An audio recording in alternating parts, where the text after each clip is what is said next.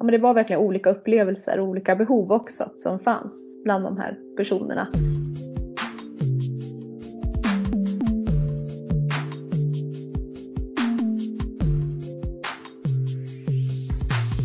Hej och välkommen till FoU-podden. I det här avsnittet kommer vi att prata om att digitalisera utifrån användarnas behov. Jag som gör podden heter Lena Stenbrink och är kommunikatör på FoU i Sörmland. Och med i den här podden, som spelas in via Teams, har jag Ida Claesson, Frida Fallström, Matilda Gränsmark och Karl Schultz. Varmt välkomna!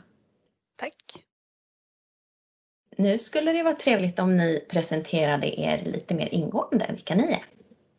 Ja, jag heter Frida Fallström och eh, jag arbetar som verksamhetsutvecklare på myndighet som tillhör socialkontoret i Strängnäs kommun. Ja, och jag heter Ida Claesson och eh, jag arbetar som verksamhetsutvecklare och eh, Lexara-ansvarig på socialförvaltningen i Gnesta kommun. Och jag heter Matilda Gränsmark och jag är utvecklingsledare här på FoU i Sörmland och jobbar bland annat med tjänstedesign. Har även inriktningen äldre och kommunal hälso och sjukvård. Och jag heter Karl Schultz och är projektledare för Noden för välfärdsteknik och digitalisering vid FoU i Sörmland. Och vi jobbar med att stötta och samordna digitaliseringsarbetet i länet, både gentemot kommuner och region. Nu är det så här att det, vi har haft en utbildning som heter Digitalisera utifrån användarens behov. Där Frida och Ida var deltagare och eh, Kalle och Matilda, ni, eh, ja, ni höll ju i det hela. Så kan ni börja med att berätta om den utbildningen? Ja, precis. Vi fick ju uppdraget här, jag och Kalle och våran kollega Anita Segring som nu har gått i pension men som då också jobbade att hålla en utbildning i tjänstedesign med inriktning mot digitalisering. Då bjöd vi in våra kommuner och Region Sörmland till den här utbildningen och fyra kommuner tackade ja och även eh, Nyköpings lasarett. Så vi var fem olika team som körde igång här under våren. Det har varit ett stort och spännande tycker jag arbete och också ett erfarenhetsutbyte har jag uppfattat som mellan er olika kommuner och det kanske ni också berättar mer om sen Frida och Ida men som sagt så hade vi ju även deltagare med från Eskilstuna och Katrineholm och Nyköpings lasarett. Och det som var våran tanke med det här var ju att använda tjänstedesign som metod och på FoU när vi gör det så utgår vi från Innovationsguiden som är SKRs metodstöd just för tjänstedesigns utbildning och även processinriktat utvecklingsarbete. Och nu var ju tanken då att vi skulle fokusera på digitalisering. Ja, och ja, det, tjänstedesign är ju ett förhållningssätt där man jobbar med att utveckla tjänster tillsammans med användarna för att få dem så användarvänliga som möjligt eller användarfokuserade för att tillfredsställa användarnas behov. Men digitalisering kan man väl säga att när den drog igång någon gång, ja det är väl en diffus skala där, men nu säger att det tog, drog igång på allvar på 90-talet så accentuerades väl den här utvecklingen av service design som det kallas på engelska då, eller tjänstedesign på svenska. Eftersom det uppstod ett sånt tydligt behov av att fokusera just på användarna. Jag kan bara ta en, en sånt exempel väldigt kort här då, som banktjänster. Som när jag växte upp i alla fall så skedde allt på papper. Man fick förhålla sig till när bankkontoren hade öppet. Det var då man gjorde sina bankärenden. Och idag så har vi en utveckling där man som kund förväntar sig att kunna göra sina banktjänster dygnet runt. Man har en helt annan eh, syn på vad banktjänster innebär. Eh, de har utvidgats väldigt mycket. Och man ska vara tillgänglig, alltså banken ska vara tillgänglig för kunden som sagt var dygnet runt och eh, när som helst i princip. Och det där är, är någonting som kan exemplifiera skillnaden mellan det vi brukar kalla för digitalisering och digital transformation. Det där är egentligen bara två begrepp som ofta blandas ihop så det spelar egentligen ingen roll. Men om man ska nämna bara kort någonting om skillnaden där så brukar man säga att digitalisering, den första delen när vi började digitalisera tjänster, då använde vi oss av samma typ av tjänsteprocess kanske men att vi la till digitala eh, verktyg för att stötta den processen.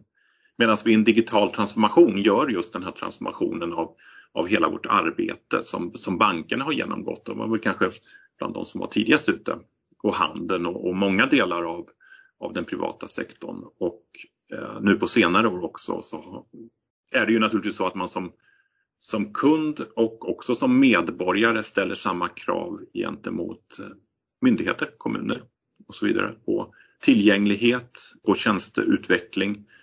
Och det är väl kanske lite bakgrunden då till att vi tyckte att det kunde vara lämpligt att titta närmare på kan vi kombinera den här tjänstedesignutbildningen med ett fokus på, på digitalisering just då. Och eh, deltagare, hur bestämde ni vilka som var målgrupp för den här utbildningen? Vi bjöd ju in alla eh, kommuner i Sörmland, nio kommuner och också Region Sörmland. Och sen så fick man själv anmäla in sitt team utifrån intresse. Och det, vi fick ett gott gensvar. Vi tyckte det var jätteroligt att ni ville vara med, både då ni från Strängnäs och Knesta som är med här idag, men även de andra teamen. Att ni kom väl förberedda och nyfikna på det här tyckte vi var jätteroligt när vi tog oss an det.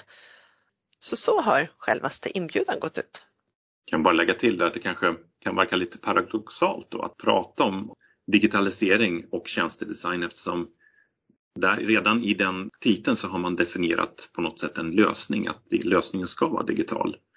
Men när man jobbar med tjänstedesign så ska man ju börja utifrån användarnas behov och sen i ett senare skede börja titta på lösningen. Då. Men det som man ofta står inför i, i verkligheten är ju att man har en kontext given redan. Det kan ju vara så att man redan har ramarna uppsatta, att vi ska jobba efter den här processen eller med det här verktyget. Det är redan givet. Det finns ju annat som påverkar politik och andras behov än användarnas behov kanske rent av. Och då befinner man sig redan i en färdig kontext eh, där digitaliseringen är given. Eh, då är det ju kanske desto viktigare utifrån den kontexten titta på hur kan vi, kan vi justera inom de här fasta ramarna eh, det här verktyget eller den här processen för att göra den så användaranpassad som möjligt. Frida och Ida, ni som var med nu i den här eh, utbildningen och hade med er era egna utmaningar. Kan ni berätta lite om era upplevelser av den här processen, den här utbildningen? Ja, från Strängnäs så, så blev vi ett team på sex personer. Och vi var vi är alla verksamhetsutvecklare fast i olika verksamhetsområden på socialkontoret i Strängnäs. Så för oss så började det med att hitta en utmaning som kunde vara gemensam och kännas angelägen för oss alla sex deltagare. Och ganska snabbt så kom vi på att eh, när man jobbar som verksamhetsutvecklare så gillar man när brukare och medborgare kommer med synpunkter och klagomål eller ger feedback på något vis på vår verksamhet. Det kan ju vara positivt också. För det genererar ju i att ja, men vi måste se över vårt arbetssätt, våra processer och ja, det ger ett underlag. Och då så hade vi en, i den här gruppen ändå en gemensam bild av att vi får inte in så många på det sättet som vi efterfrågar. Att vi, vi hänvisar bland annat till en e-tjänst som är liksom kommungemensam för att lämna synpunkter och klagomål. Men där, där det kommer inte så många. Så det var vi nyfikna på. Vad kommer det sig? Hur skulle vi kunna skapa så att vi, vi får in fler synpunkter och klagomål eh, genom e-tjänsten? För det vi antog att det här är en tillgänglig tjänst som man kan göra när som helst. Så den är ju öppen dygnet runt än att liksom lämna i alla fall sitt klagomål, synpunkt. Så det utgick vi från att vi var nyfikna på. Och eh, vi delade upp mellan oss i gruppen och gjorde telefonintervjuer, eh, så anpassat också efter förutsättningarna i och med covid-19. Och vi intervjuade eh, både anhöriga, eh, brukare inom verksamheten. Också personal som liksom jobbar närmast brukarna. Även en anhöriggrupp hade vi kontakt med och pratade med på, när de hade sin, sitt grupptillfälle. Och vi ville veta mer om ja, men deras upplevelse när, när de har en synpunkt eller klagomål. Hur upplever de det? Hur gör de? Vad gör de? Och om de inte gör något, varför gör de det? Och, och vi liksom ville utforska, vad är deras behov? vad har varit bra när de har lämnat en synpunkt eller klagomål? Så vi har liksom flera erfarenheter då från, från dem och ja, vad, vad skulle de behöva för att vi skulle överbrygga de här hin eventuella hindren? Det var väldigt intressant att få ta del av alla de berättelserna och beskrivningarna. Det fanns ju variationer såklart, men vi utgick ifrån det de hade berättat och, och som klustrade det då, som ett, liksom ett sätt att sortera. Och då, då hittade vi fyra teman kan man säga. Och eh, varav det ena var behovet av att det är mer tydligt. Man kände sig osäker eller man hade oklara förväntningar. Ett annat var vikten av bemötandet. Att det man sa togs emot av någon och att det togs emot på ett schysst sätt och respektfullt sätt. Det var viktigt och även att, att man fick återkoppling och fick liksom veta resultatet av att jag sa det här, ledde det till någonting? Man behövde det som användare. Matilda? Jag blev lite nyfiken bara när du berättade här. Den återkoppling som ni fick från era kommunmedborgare eller så, vad, hur, hur fick ni in den? Vad använde ni för metod och hur tog ni reda på vad personerna tyckte? Ja men precis, det var, det var intervjuer helt enkelt. Telefonintervjuer mm. blev det. Vi hade nog gärna gjort andra mer liksom besök kanske eller på något annat sätt frågat på stan eller så, varit i kommunhuset och, och kanske frågat Eh, personer lite mer spontant. Men eh, riktade intervjuer och personerna hittade vi genom våra verksamheter. Till exempel jag intervjuade några anhöriga som biståndshandläggarna på myndighet hade haft kontakt med och frågat om de ville ställa upp. Det var intressanta samtal. Mm. Spännande, för just tänker jag innovationsguiden så finns ju ett, ett batteri av olika undersökningsmetoder där intervju är en av dem. Men eh, det ger mycket just det här samtalet, att få möta någon och ha direkt kontakt och kunna ställa följdfrågor på mm. ett tydligare sätt än kanske bara via enkät eller att man får in synpunkter i skriftlig form så man inte mm. har möjlighet att ställa en motfråga. Så det är ju jättebra att ha den där ja, dialogen. Mm. Ja ja, men det var verkligen olika upplevelser och olika behov också som fanns bland de här personerna. Så det var också en del i de här vad ska man säga, kategorierna som vi hittade. Det var att, att man behövde alternativa ingångar. Det går inte att hitta ett sätt som funkar bra för alla. Så att en del hade behov av direktkontakt, ett möte så, öga mot öga. Och andra ville ju kunna göra det mer anonymt och i lugn och ro på sin kammare. Så vi fick många insikter under de här intervjuerna och vi ändrade faktiskt våran frågeställning eller våran utmaning till att istället vara hur kan vi skapa tydlighet gällande synpunkter och klagomål och också göra det mer känt. Vi ville göra den här digitala e-tjänsten, göra den mer känd. Det var något vi såg att, att det här, vi måste börja någonstans i, i grunden och basen. För att sen kunna kanske bygga vidare med att vidareutveckla den e-tjänsten som finns då eller eventuella andra tjänster som man skulle behöva. Så att vi börjar i, i någon form basic. Och det resulterade i när vi genererade idéer utifrån det. Eh, vi använde perspektivkort som ett verktyg bland annat. Vi provade lite olika verktyg som finns i innovationsguiden. Men perspektivkortet var det att man ja, satte sig i lite olika positioner. Om man var miljardären som hade hur mycket pengar som helst, vad skulle vi kunna göra då? Eller ställde sig frågan one size fits all. Hur kan vi skapa något som stämmer överens med det? Och det var faktiskt one size fits all som var det som genererade den prototyp som vi sen ville testa.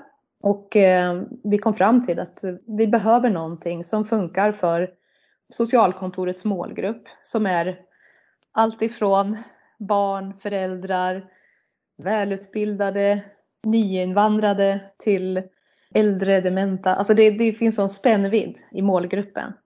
Och eh, det genererade en pilot som, eller en prototyp som vi gjorde en pilot med. Då. Och det, det var, blev faktiskt inte något digitalt i det här skedet. Så vi kommer jobba vidare med den här tjänstedesignprocessen och det här materialet som vi har fått fått in genom intervjuerna. Vi börjar faktiskt med att prova en pappersblankett. Det låter, det, det, ja, men det var ju det användarna på något vis sa att de behövde. Jag tänkte vi pratade lite grann om det Kalle och jag och Anita innan.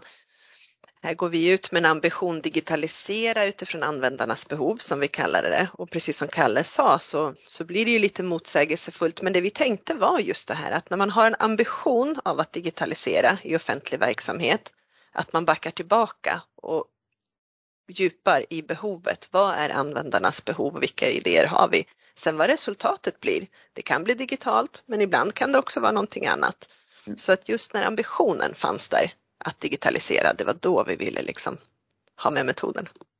Det, också, det beror ju på eh, hur man utformar utmaningen också, eller vad det är för typ av utmaning. Jag menar, i, i Strängnäs nu så, så hade ni en utmaning där man kunde undersöka öppet och det behövde inte nödvändigtvis resultera i en digital lösning. Det fanns andra kommuner som eh, jag kan ta ett exempel, jag vill inte nämna vilken kommun, men som, som hade eh, SharePoint redan som ett verktyg i kommunen men där man inte upplevde att användarna utnyttjade SharePoint alls egentligen. Eh, och där var ju utmaningen att ja, men SharePoint är givet, det är ingenting vi kan påverka inom vår kontext. Ehm, men hur kan vi då anpassa SharePoint för att det ska möta användarnas behov i den grad det är möjligt? Va? Så man ändå kan eh, nyttja det system som redan är bestämt. Och det är vi tillbaks till det här med att det finns ibland en given kontext som man inte kan påverka men man kan anpassa den kontexten mm. eller de ramarna till användarnas behov. Ja men precis så. Och jag det kanske låter lite tråkigt med att det blev en pappersblankett och inte så miljövänligt. Vi skulle ju vilja göra mera och bättre. Det, det här ska vi ju liksom vidareutveckla. Så det är inte slut här. Men det vi pilotar nu i tre månader det är att alltså vår verksamhet, våra medarbetare närmast brukarna ska kunna ha något att ge och dela ut och sprida. Så vi får en bra bas av, eh, av kunskap om vad synpunkter och klagomål är och hur man, om man har något att berätta. Något både positivt och något vi kan förbättra, någon kritik eller så. Att man lämnar ifrån sig det. Vi vill ha det. Det är det vi vill signalera. Och det har vi fått hjälp av kommunikationsavdelningen också då att utifrån våran prototyp som såg väldigt enkel ut och liksom ganska, det ska ju vara det när det är en prototyp. Det ska bli lite fult liksom på något vis. Enkelt och gjort sådär så man kan förstå vad det kan handla om. Men eh, kommunikationsavdelningen hjälpte oss att, att göra det till en riktigt snygg produkt så den är vi ju superstolta över. Och de vi har medarbetare vi har visat det för tycker att den är ju, den här är ju jättetrevlig att lämna ut. Och den hjälper faktiskt också våra medarbetare att också få, ja men nu förstår vi det här lite bättre. Ja. Jag tänker, är det bara alltså en pappersblankett som gäller nu? Det finns inte alternativ att göra det digitalt? vi skulle ju kunna mejla ut den likväl. Alltså medarbetarna har tillgång till den. Sen och ja, vi ville också kunna göra något som vi kunde realisera ganska fort. Så att vi kunde förmedla ut det här tidigt. Jag tänker också att det är väl ett lysande exempel på att det finns inget självändamål med digitalisering. Utan hittar man en quick fix som är enkel och eh, analog så varför inte? Mm. Eh, bara så länge det liksom uppfyller användarnas behov och det, det är väl därför tjänstedesign eh, kommer före begreppet digitalisering i, i utbildningen så att säga. Ja, och det blev någonting som, som både innehåller en variant som innehåller text enbart och en variant som innehåller både text och bildstöd på en sida. Ibland tänker jag har man ju stött på i olika eh, verksamhetsplaner eller kommunplaner eller så där man definierar digitalisering som ett mål för sig, att man ska digitalisera verksamheten. Och där, precis som du säger Kalle, jag tycker att det är spännande att vi backar tillbaka och tittar på att digitaliseringen är ju ett medel. Men vad är målet? Vad är det vi ska någonstans? Och då kan det ibland vara bra att backa tillbaka. Mm. Och sen kanske det får vara pappersform ett tag så att vi får en tydlighet i vad det är vi vill. Och sen så får det fart i det digitala när vi vet hur vi ska göra det en stor del av socialkontorets målgrupp, jag tänker personer med olika funktionsnedsättningar eller att man är lite efter i att ta till sig digitala produkter, och hantera telefoner, dator. Vi har en sån målgrupp som är, liksom, har ett digitalt utanförskap också. Så det, det gäller på något vis att vi behöver anpassa vår verksamhet eh, och lära och, och guida, hjälpa till. Jättespännande att höra. Ja. Ja, nu ska det bli spännande att höra Ida också berätta hur er utmaning gick. Mm. Ja, det, våran utmaning den, den handlade om att se över våran avvikelse och Lexara-hantering. Vi såg att hanteringen och arbetssättet såg olika ut inom de olika verksamheterna.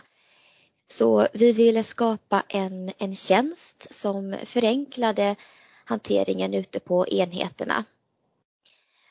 Och vi kände att det här var viktigt för att få en kvalitetssäkrad och effektiv hantering.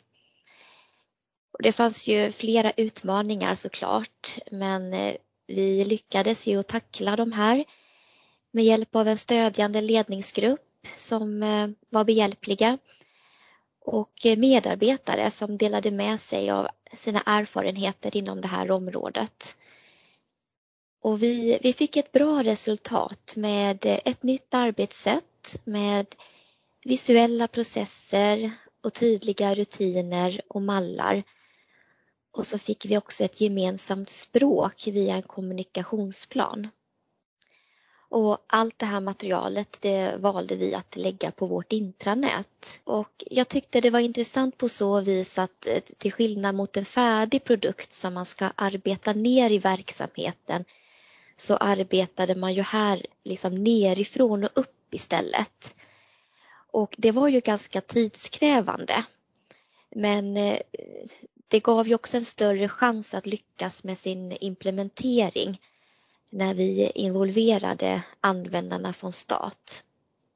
Då fick vi liksom det här gemensamma språket eh, och det här nya arbetssättet från början och då, då kunde vi basera det här och de här besluten som togs i samband med det här nya arbetssättet, det, det grundade sig liksom på en gemensam för, förståelse.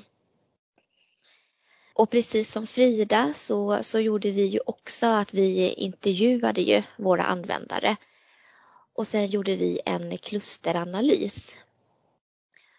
Och vi fick fram då gemensamma mönster och eh, idéer som vi ville jobba vidare med.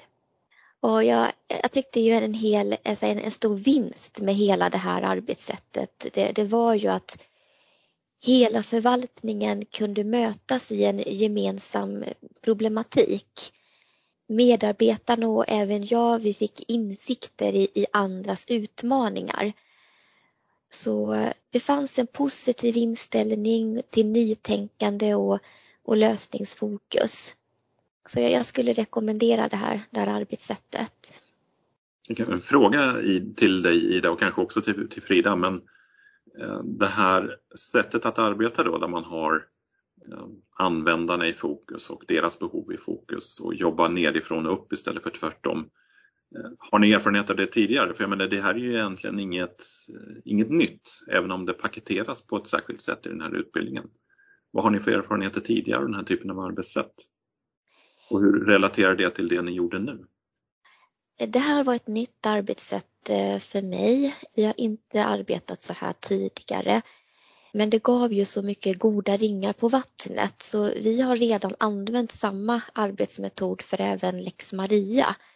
Och med tanke på att vi gjorde ett sådant bra grundarbete så gick det ganska smidigt och det projektet är redan klart. Eh, och vi kommer använda samma arbetssätt för synpunkter och klagomål och även ett nytt projekt där vi kommer arbeta med förvaltningens gemensamma statistik.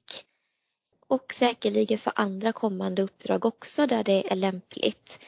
Nej, men jag tänkte direkt när du sa det att eh, ja, men fokusgrupper var, var i ropet ett tag för några år sedan och jag vet att det satsades ganska mycket eh, i att utbilda fokusgruppledare och ehm, det höll säkert en del fokusgrupper men eh, jag kan säga det var sällan jag, jag, märkte att det blev något, liksom, genererade till något resultat eller eh, så. Man kanske, man kanske lärde sig en, en av verktygen men inte hela processen.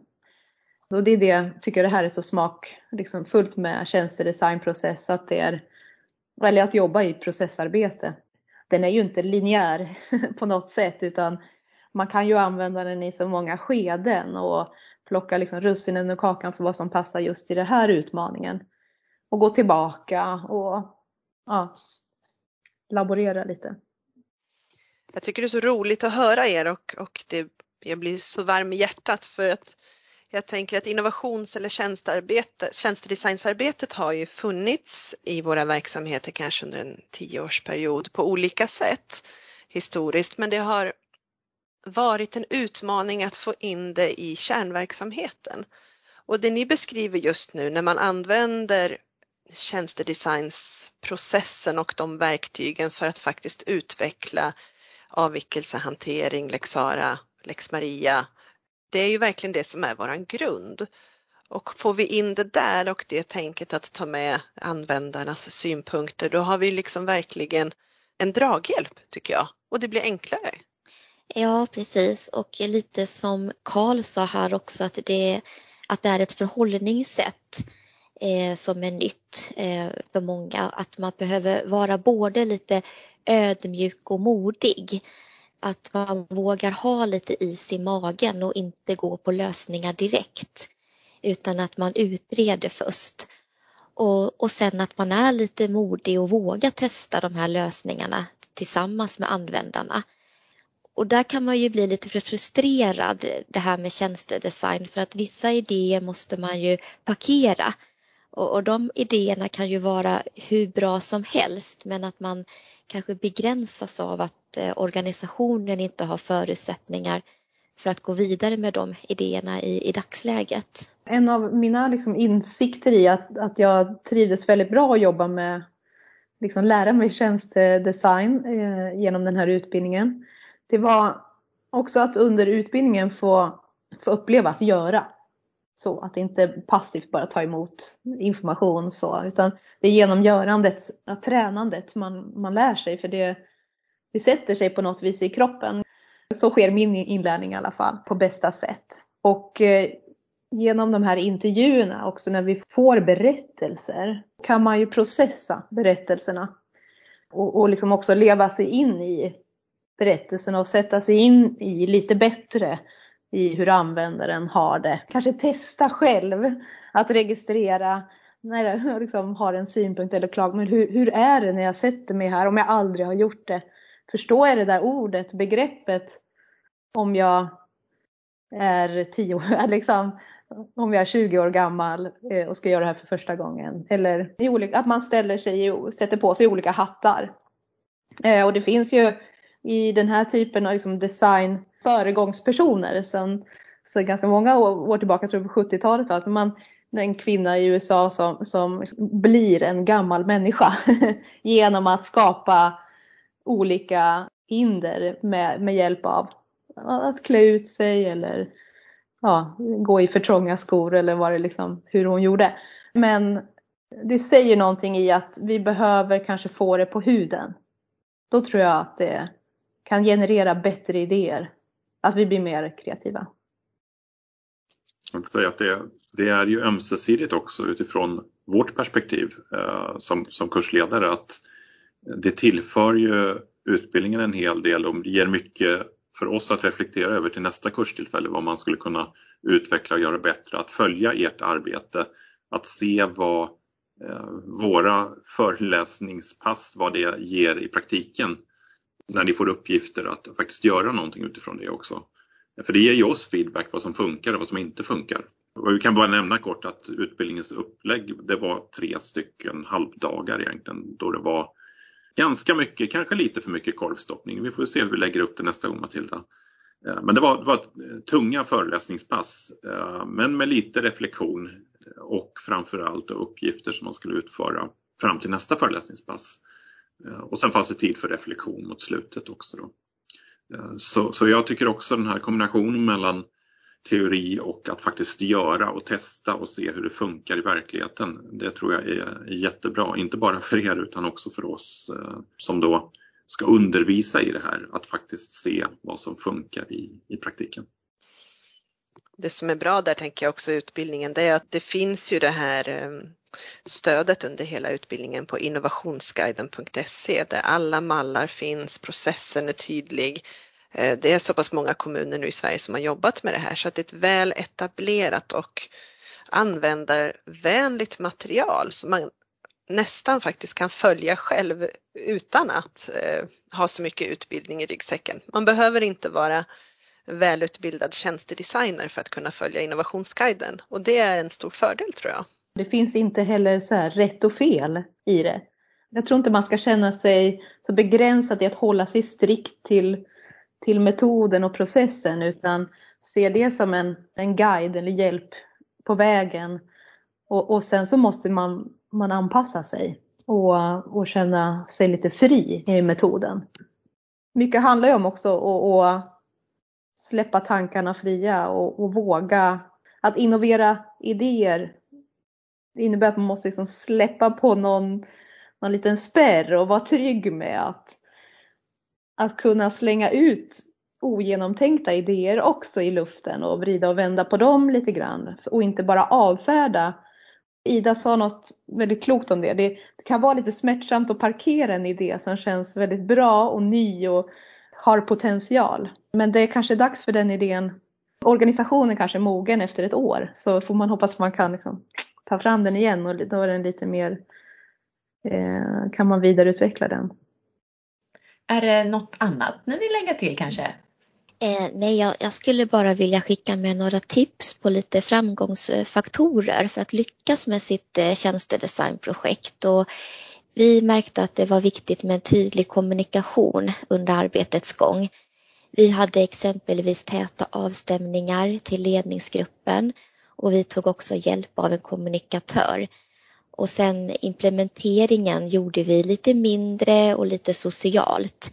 Eh, vi presenterade vårt färdiga material i mindre grupper och, och så myntade vi tillsammans en slogan som heter då avvikelser vår vardagslära för att skapa en vi-känsla.